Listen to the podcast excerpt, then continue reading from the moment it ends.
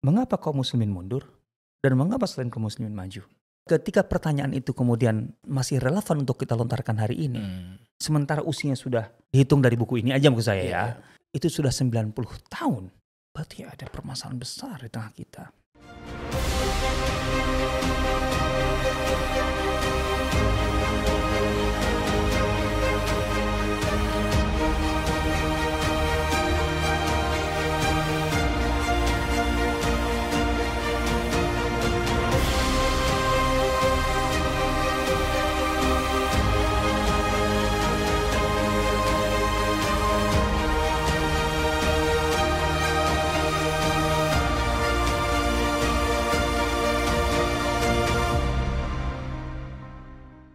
Assalamualaikum warahmatullahi wabarakatuh. Alhamdulillah wassalatu wassalamu ala Rasulillah wa ala alihi wa mawalah wa ba'd. Eh, teman-teman pernah nggak kalau ngebaca komentar di antara diskusi teman-teman yang eh, sangat religius kira-kira begitu? Eh, kita akan mendapati salah satu komentar tuh yang sangat populer biasanya begini. Orang-orang sudah eh, sampai ke bulan bahkan memikirkan hidup di Mars gitu ya. Kita masih ngomongin masalah agama. Ini benar nggak sih statementnya gini? Kita akan diskusikan hari ini dengan Ustadz kita. Dan uh, ahlan wa marhaban, kembali berjumpa bersama Umar El Rosi di podcast SCI, masih di channel Siroh TV, channel yang menyajikan kajian seputar Siroh Nabawiyah dan sejarah peradaban Islam. Oke, kembali ke statement tadi ya. Kita akan uh, tanyakan dengan guru kita yang kaitannya hari ini dengan uh, literatur. Bagaimana uh, sejarah peradaban Islam merespon kalimat seperti tadi. Ada Ustadz Asep Sobaris di sini. Assalamualaikum Ustadz. Waalaikumsalam warahmatullahi Masya wabarakatuh. Allah, adem banget tinggal sama Ustadz nih. Kabar baik Ustadz ya? Oh, saya juga merasa adem. Mas Nama Nur. aslinya kegedean Ustadz? Enggak juga ya.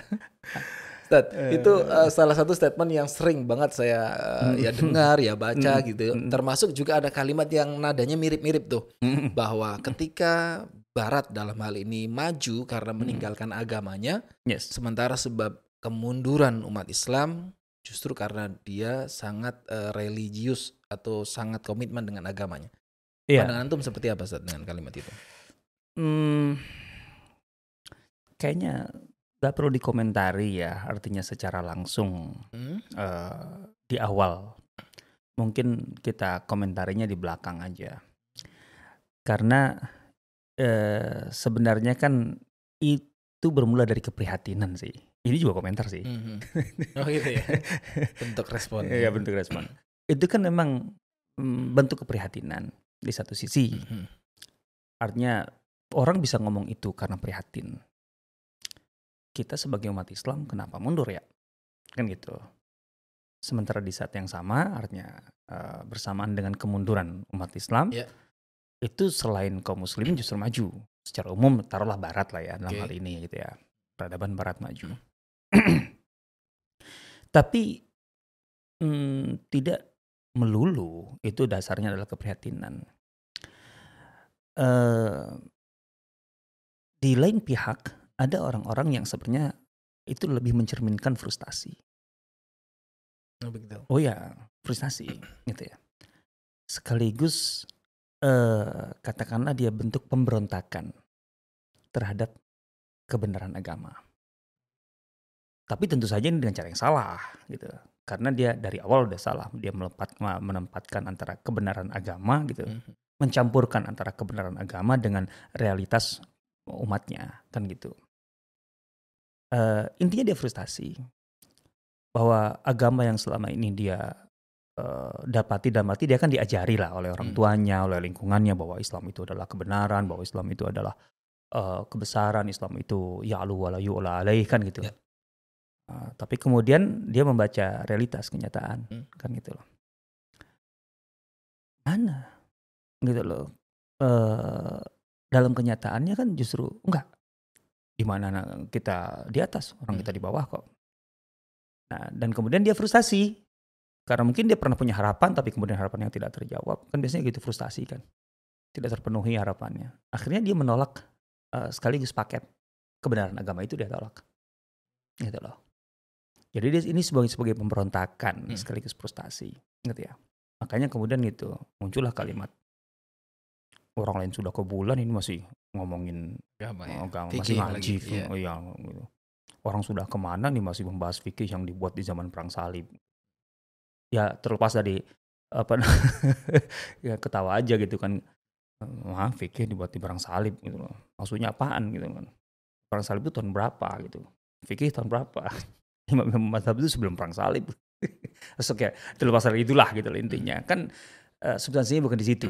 Ya. Maksud saya substansinya ini kan frustasi, bentuk pemberontakan terhadap nilai, terhadap kebenaran. Ya karena salah sendiri cara dia paradigmanya salah. Hmm. Dia mencampurkan antara kebenaran dengan kenyataan, bahwa kenyataan adalah kebenaran. Kan dua hal yang berbeda. Tidak Hal yang semua. berbeda ya. Iya, semua sesuatu yang nyata belum tentu benar itu loh. Artinya kita juga harus me- eh, sepakat bahwa kondisi hari ini umat Islam dalam kondisi mundur. Ya, saya rasa itu nggak perlu dibuktikan sih. Harusnya Hmm. ngapain juga. Faktanya begitu. Artinya rasakan aja lah. Artinya lebih baik kita mengakui. Ya. Mengakui tapi dengan elegan gitu loh. Daripada kemudian kita mencoba untuk menghibur diri gitu loh. Dalam Hmm. arti kita tidak mengakui kenyataan ini eh, dengan bla bla bla bla gitu. Contohnya kita tidak mundur kok. Buktinya apa? Tuh Umar bin Abdul Aziz. Lah. Tilka ummatun qad khalat. Laha ma kasabat. Walakum maka sabtum. Itu manhaj Qurani itu. Betul kalau kita apa namanya ngangkat Umar bin Abdul Aziz, iyalah rahimahullah taala. Tapi kan Al-Qur'an mengajarkan Anda tidak mengandal tidak bisa mengandalkan mereka gitu untuk kemudian apa menjawab eh, kenyataan yang Anda alami hari ini. Tilka ummatun qad khalat. Itu umat yang sudah eh, telah berlalu gitu loh. Itu masa lalu. Laha ma kasabat. Kegemilangan mereka itu memang iya. Tapi kenapa mereka gemilang? Atas dasar apa? Atas dasar pencapaian mereka. Itu karya-karya mereka. Walakum. Dan kamu, kamu tuh yang Hmm. yang bisa kita klaim gitu ya Iya. sekarang hari ini, maka sabtum. Apa yang kalian hasilkan hari Peran ini?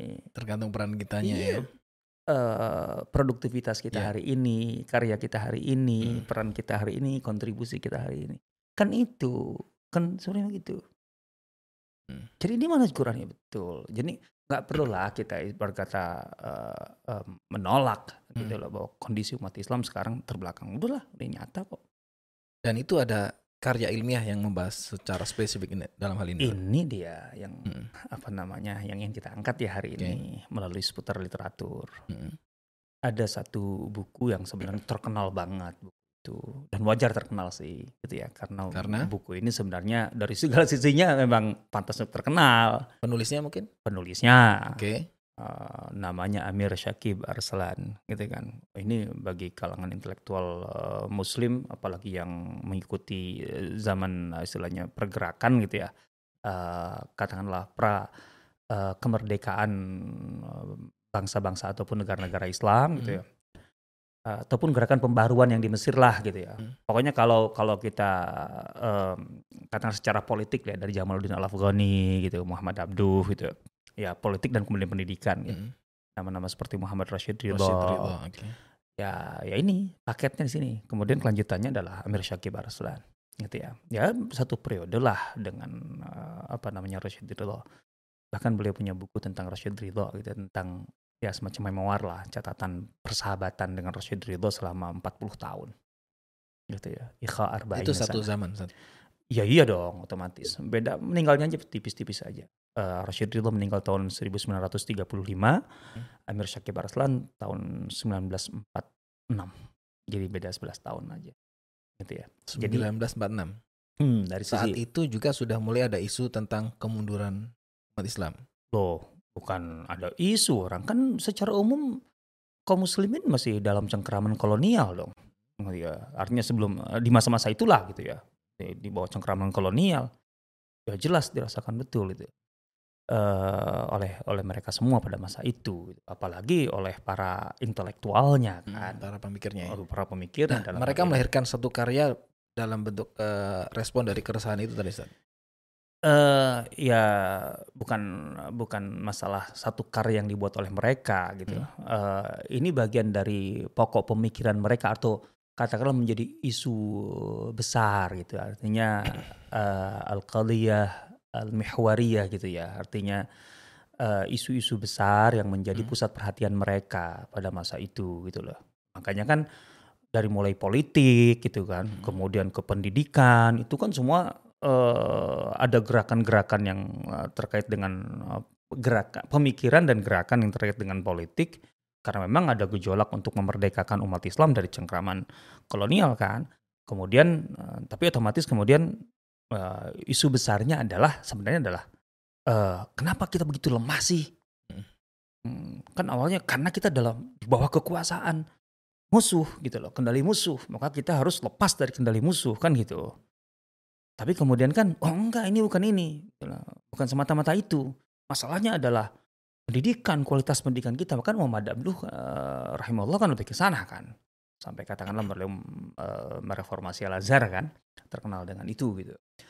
Eh, eh, itu juga Rashid eh, Ridho lah lebih kurang gitu ya sebagai eh, penerus dari apa namanya eh, Muhammad Abduh dan Amir Syagib Arslan ini. Ya, memang itu ini eh, apa namanya eh, pusat perhatian mereka memang itu isu itu gitu loh isu kemunduran kelemahan gitu loh Eh, dan mereka beraktivitas itu dalam rangka itu bagaimana bisa membangkitkan kembali umat gitu loh nah eh, kalau karya yang kemudian dibukukan itu ya itu yang karya Amir Syakib Arslan itu gitu loh buku Judul? buku ini eh, judulnya lima ada ta'akharal muslimun gitu. Nah, ini dari segi judulnya juga terkenal. Nyentrik judulnya loh.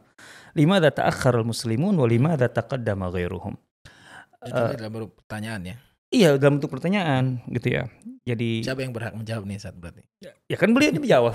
Oh, jawab Amir juga ya. Memberikan eh, menjawab pertanyaan Oke. itu. Jadi eh, mengapa kaum muslimin mundur Mundur. dan mengapa selain kaum muslimin itu maju? Hmm. Nah, walaupun kemudian eh, di dalamnya ya lebih menyoroti eh, selain kaum muslimin itu adalah barat, Barat, ya barat, dalam hal iya. ini Eropa lah ya gitu. Selalu diberikan contoh Eropa karena kan masa itu jelas lah masa kolonialisme di mana Eropa yang menjajah eh, dunia mus- eh, dunia Islam gitu.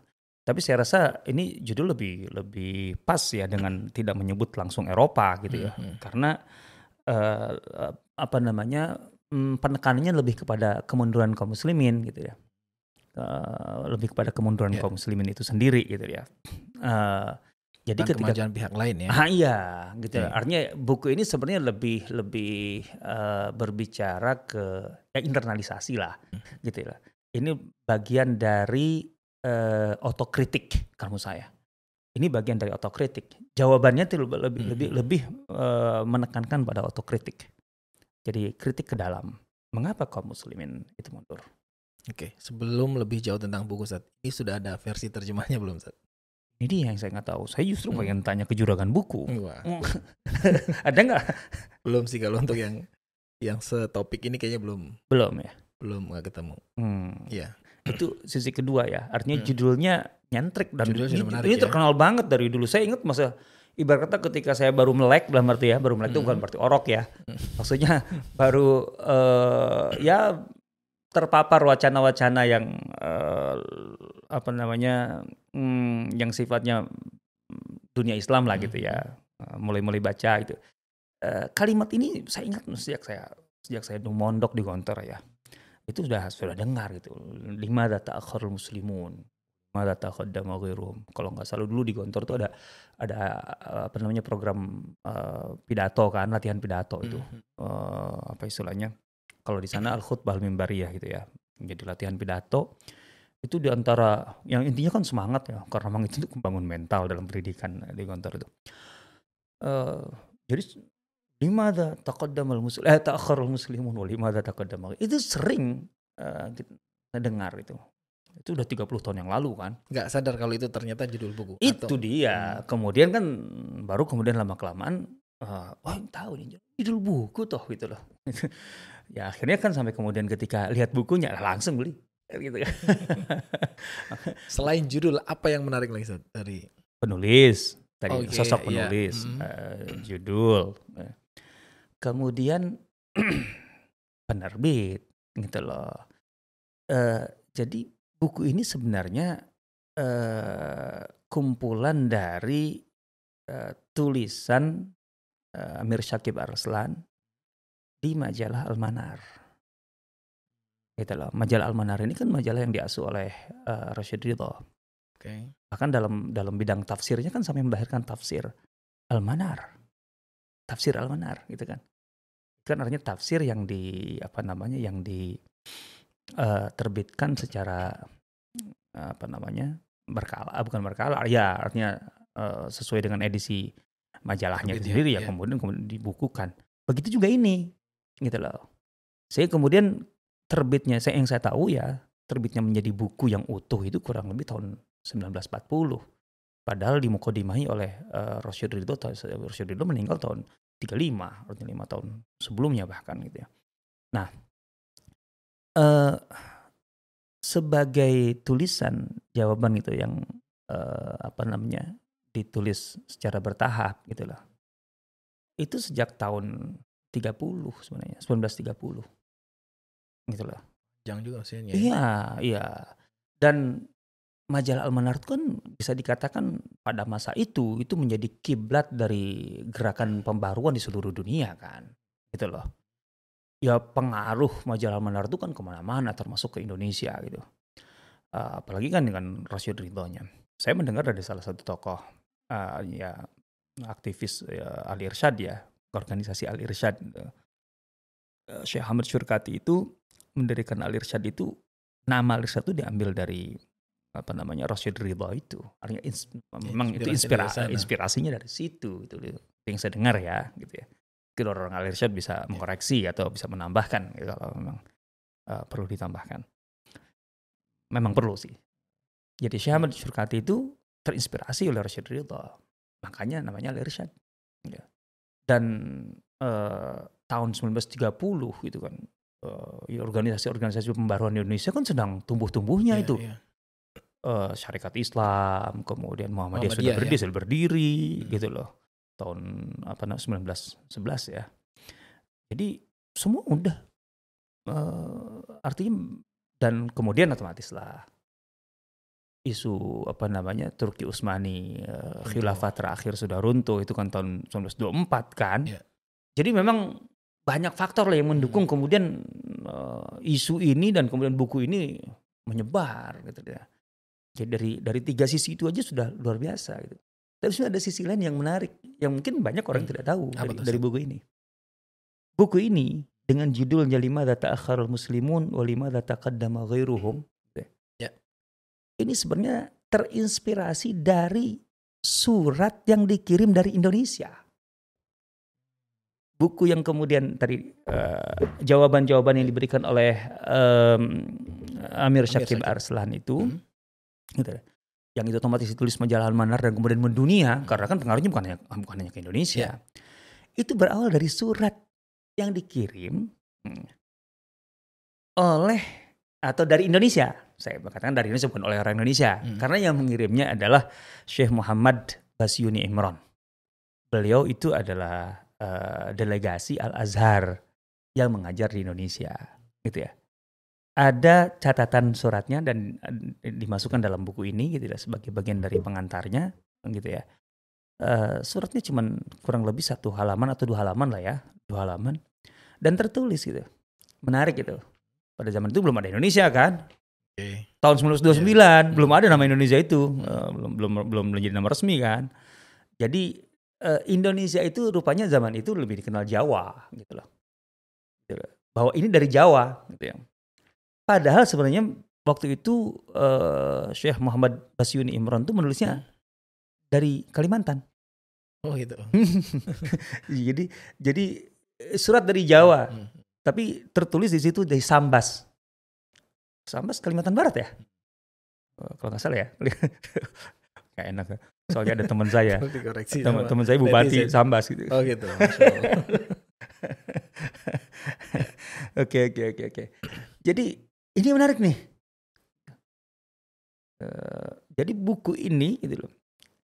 Sebenarnya jawaban dari seorang Amir Syakib Arslan dan di level saya internasional di dunia Islam gitu yang uh, apa namanya bermula dari pertanyaan yang datang dari Indonesia.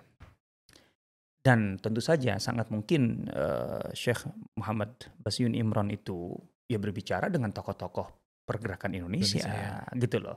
Dan ada keprihatinan bersama gitu ya. Dari situlah kemudian pertanyaan itu dilontarkan ke sana. Jadi untuk mendapatkan jawabannya dari Almanar gitu loh. Itu menunjukkan juga bahwa menjalan Almanar tahun tahun 30-an atau tahun 29 itu di Indonesia sampai di Indonesia. Sampai ya? Sampai tahun zaman itu gitu. Ya kalau enggak kan bagaimana eh, apa namanya ada korespondensi itu gitu loh. Dan otomatis eh, jawabannya kan akan nyampe ke sini kan, nggak mungkin enggak. Hmm. Walaupun ditulisnya di majalah Manar ya, majalah Manar tinggal nanti Ya. dikirim aja. Itu menunjukkan bahwa eh, di sini ada kelompok intelektual gitu loh yang berbicara tentang eh, apa namanya di, di zaman penjajahan Belanda mereka berbicara tentang isu-isu besar yang intinya kenapa kita mundur ya. Nah, itu menarik tuh. Ah, iya. Bagaimana pandangan penulis? An- Analisanya apa saja tuh yang kan dijelaskan? di penulis itu maksudnya siapa nih? ini? Amir Sakib. Nah itu dia yang ingin kita bahas Hmm. nih.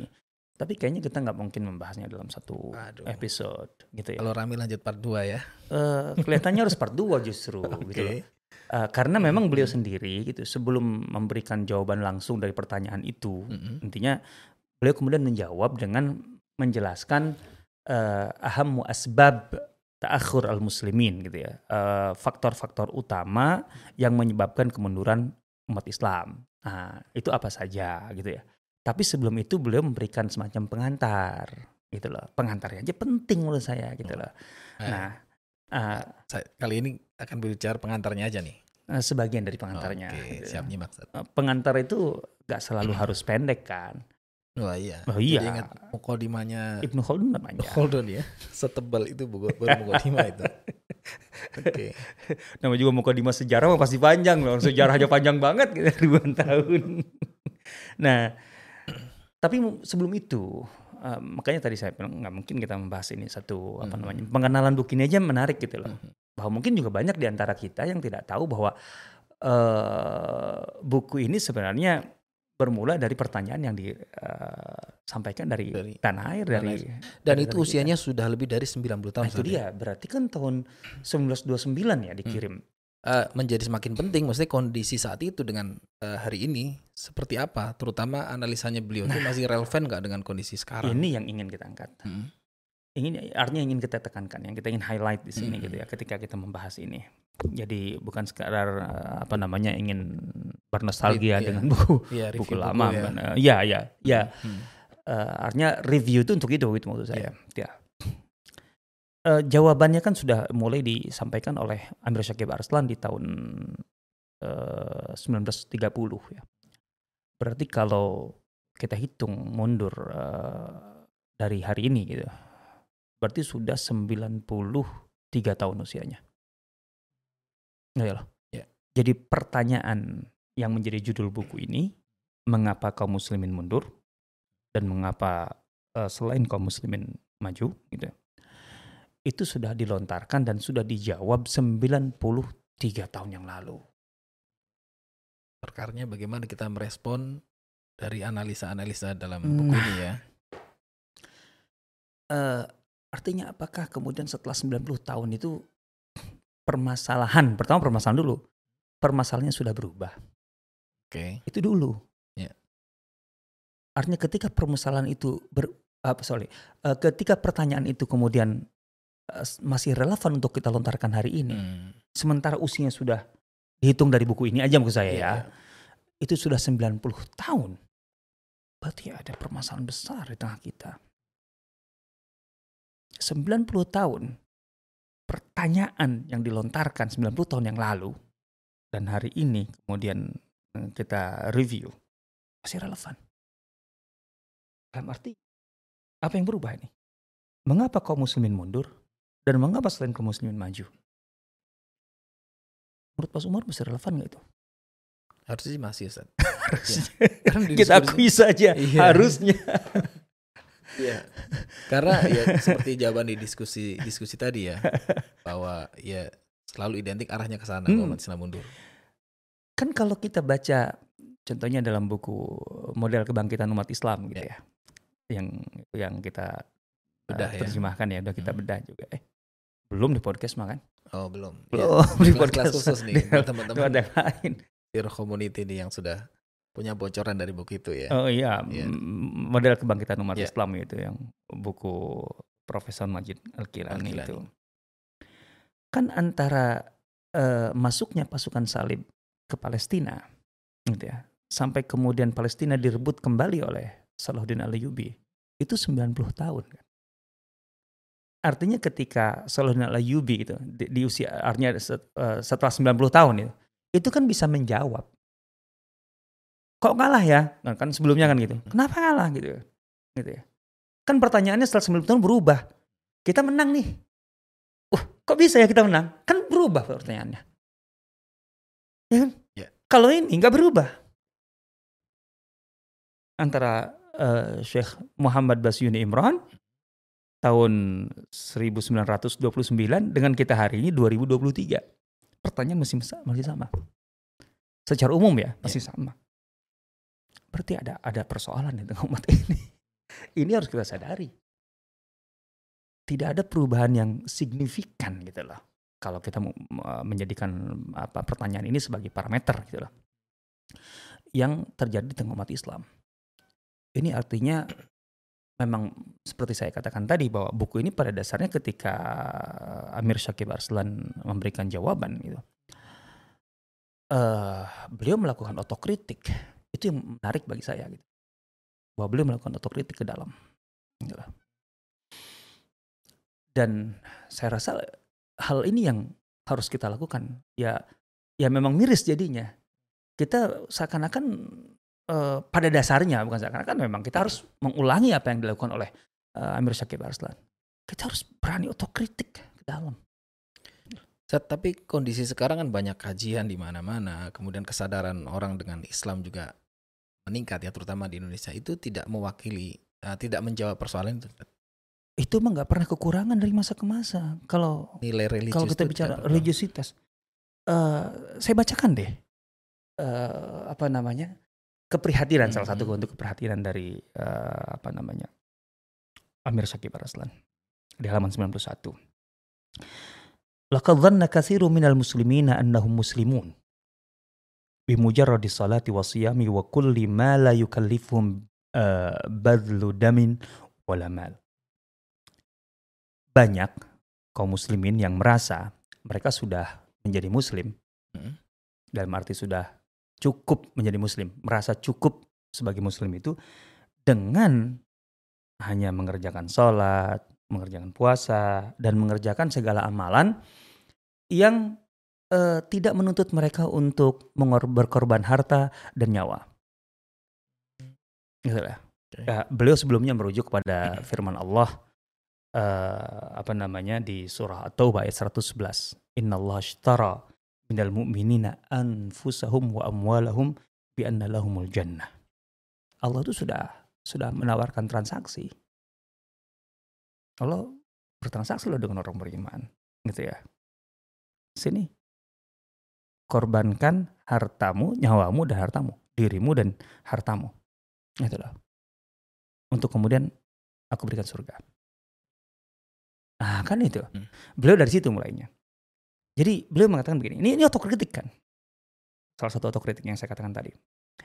Sudah banyak, uh, banyak kaum muslimin yang merasa sudah cukup menjadi muslim dengan mengerjakan semata-mata mengerjakan sholat, puasa, dan mengerjakan segala amalan, segala bentuk amalan yang tidak menuntut mereka untuk mengorbankan harta dan nyawa. Dan kemudian, nah ini persoalannya. Nah, ala dhalika an-nasra min Allah. Dan kemudian berharap bahwa dengan begitu mereka akan mendapatkan kemenangan, mencapai kegemilangan, akan mendapatkan pertolongan dari Allah gitu. Artinya nggak nyambung kata beliau. Maksudnya nggak bisa. Gitu. Walai salam berkadalik. Ya nggak gitulah. Hmm. itu di, di Indonesia kan sih. Terjemahannya nggak ini banget ya. Fa inna azaimal Islam kewajiban-kewajiban utama dalam Islam itu. Gitu. Latan hasil salat tidak terbatas pada salat, puasa. Juga tidak terbatas pada semata-mata berdoa, istighfar. Ha. Wa kaifa yaqbalullahu du'a? Dan beliau kemudian menyoal, bagaimana Allah menerima doa kalau masalahnya kamu berdoa gitu. Bagaimana ya. Allah menerima doa dalam arti mengabulkan doa hmm. untuk kamu kemudian maju, gemilang dan sebagainya dari orang-orang yang hanya duduk santai dan kemudian tidak berpikir untuk maju. Nah, di Mukaddimah itu beliau menegaskan ada dua sisi gitu loh. Eh, atau dua persoalan besar gitu loh yang menjadi bisa dikatakan akar persoalan kemunduran umat Islam yang kemudian beliau beliau lebih lebih eh, bahas Urai lebih nanti. panjang eh, di berikutnya gitu subjudul berikutnya yang itu mungkin pertemuan kedua adalah episode kedua aja ya. Siap. yaitu apa? Kaum muslimin itu eh, kehilangan eh, apa namanya produktivitas. Amal. Amal. Karya. Karya-karya peradaban kalau kita terjemahkan sekarang hari ini bahasa kita lah. Dan kemudian kehilangan eh, semangat pengorbanan kedermawanan terkait dengan dengan dengan harta itu. Dua itu yang beliau beliau soroti betul. Bahkan beliau bandingkan pada data pada masa itu itu menarik. Eh, kata beliau kalau kalian mengatakan sekarang Eropa kan yang disoroti Eropa. Begitu maju gitu ya. Ya lihat modal yang mereka keluarkan. Beliau memberikan data loh menarik di sini. Eh, tentu saya saya tidak tidak mendapatkan apa keterangan lebih detail ini eh, data yang kapan persisnya tapi jelas-jelas sebelum tahun 1930 lah otomatis ya. Bahwa Inggris untuk sampai di level waktu itu kan Amerika belum belum bermain kan? Tahun 1930 sebelum 1930 Amerika kan setelah perang dunia kedua kan Eh, atau perang dunia kedua baru bermain nah itu mereka sudah sudah mengeluarkan eh, kurang lebih 7 miliar gulden gitu loh. Kemudian Prancis 2 miliar gulden gitu loh. Artinya untuk kemudian proyek-proyek mereka yang destruktif itu gitu loh. Artinya untuk menguasai dunia untuk kemudian maju. Kemudian Italia 500 ribu bla bla bla bla gitu ya. Sementara kita pertanyaan. Ini dia persoalan besar. Bahkan kemudian beliau merujuk ada satu eh, apa namanya peristiwa penting tahun 1929. Eh, itu di, di, di, di Palestina. Saat itu Israel belum berdiri. Israel belum berdiri. 1929. Tapi intinya Zionisme sudah Zionis ada. ya. Ya. Zionisme sudah ada. Artinya sebagai organisasi eh, yang mendunia, gitu ya, yang katakan meliputi kepen, eh, intinya eh, bukan hanya orang Yahudi tapi kepentingan Yahudi yang itu didukung juga oleh selain Yahudi kan, selain Bani Israel. Itu kan ada kasus gitu loh, bentrokan lah kekacauan gitu eh, tahun 1929 di Palestina. Itu kata eh, beliau, kalian tahu berapa kemudian sumbangan yang berhasil dikumpulkan oleh katakanlah Zionisme itu gitu loh atau gerakan yang pro Yahudi itu untuk membantu saudara-saudara mereka di Palestina saat itu. Sumbangan dari seluruh dunia untuk Yahudi. Satu juta pounds. Satu juta pound saat itu. Artinya beliau punya data. Sementara Kaum muslimin untuk kaum gimana? muslimin Iya. dengan kasus yang sama kan Galang- ini kan, kan melibatkan dua. Nggak ada penggalangan dana. Oke. dan beliau bilang apa? Berapa? Hmm. tiga belas ribu pounds. Oh, timpang sekali ya. sangat timpang. Gitu loh. Padahal secara jumlah eh, kaum muslimin ya Eh, iyalah di, kan ya pertama lah ya gitu. pertama bahwa Palestina itu kan jelas-jelas masih in- isu internasional Iya, isu umat Islam. Sebenarnya sampai hari ini pun juga hakikatnya ya tapi kan seiring dengan perjalanan waktu kan seakan-akan itu hanya hanya isu Palestina kan isu Hmm. lokal atau isu Arab bahkan. Arab pun juga kita tahu lah ya, problemnya gimana gitu negara-negara Arab. Tapi saat itu kan masih sangat ini banget itu dunia Islam gitu padahal. Cuma 13 ribu saat itu ini menunjukkan ya beliau ingin membuktikan bahwa Hmm. memang sudah lemah sekali gitu loh kaum muslimin untuk kemudian apa namanya eh semangat untuk berkorban gitu loh. Jadi gini, jadi beliau melihat kaum muslimin itu dibanding dengan dengan dengan barat kaum muslimin oke tidak ada problem dengan masalah tadi dengan masalah eh, sholat nilai-nilai religinya ya. re- religius untuk sifatnya privat yang sifatnya privat Hmm. tapi yang sifatnya tanggung jawab sosial hilang gitu loh Dan jadi- itu sampai sekarang saat. Yes, exactly. Nanti kita kita mungkin kita angkat nanti lebih detail lagi, Hmm. ah, lebih lebih kita angkat lagi beberapa pernyataan dari eh, beliau gitu ya eh, di buku ini karena supaya tidak melebar bahwa ini Hmm. opini kita enggak. Iya. Eh, beliau mengangkat bahwa kaum muslimin itu eh, tidak peduli untuk melahirkan karya-karya yang sifatnya ya ke peradaban lah gitu ya. Itu nggak nggak peduli dengan itu. Eh, jadi lebih apa namanya eh, menganggap kehidupan ini adalah kehidupan ukhrawi dalam arti ukhrawi itu privat Individual. individual maksudnya Hmm. dan tidak ada semacam eh, tanggung jawab sosial. Artinya tidak ada proyek-proyek umat gitu ya Hmm. Yang harus menjadi tanggung jawab bersama. Yang di situ membutuhkan dua hal. Adalah kerja gitu ya, artinya kerja eh, aktivitas duniawi gitu. Yang itu sebenarnya bagian dari asas apa namanya kemajuan peradaban Islam dan kemudian eh, topangan dana, dukungan dana yang memadai. Jadi kaum muslimin cenderung fatalistik gitu lah. Dan kemudian dengan amalan-amalan tadi individual tuh merasa sudah cukup untuk menjadi muslim dan mendapatkan Menunggu pertolongan nah, Allah. dan kemudian menunggu pertolongan Allah. Ini masalah masalah sampai hari ini. Ini sisi otokritik yang penting. Kayaknya makin penasaran Ustaz, apa saja analisanya penulis nih tentang hal ini. Hmm. Ya, tapi eh, seperti Ustaz tadi kita bahas di edisi episode kedua. Baik, Jazakallah Ustaz atas Oh, iya. Teman-teman nantikan ya untuk edisi berikutnya kita akan melihat bagaimana penulis menghadirkan analisa-analisanya yang itu sudah disampaikan 90-an tahun yang lalu ya. 23 tahun yang lalu. 93 tahun. Oke, sampai jumpa di next episode dan silakan eh, subscribe channel Sirah TV. Subhanakallahumma bihamdika asyhadu an la ilaha illa anta astaghfiruka wa atubu ilaik. Assalamualaikum warahmatullahi wabarakatuh. Waalaikumsalam. Para penonton yang budiman, terima kasih telah menyimak sajian dari Sirah TV. Semoga menjadi jalan terbaik Anda untuk lebih dekat dengan Rasulullah Wasallam.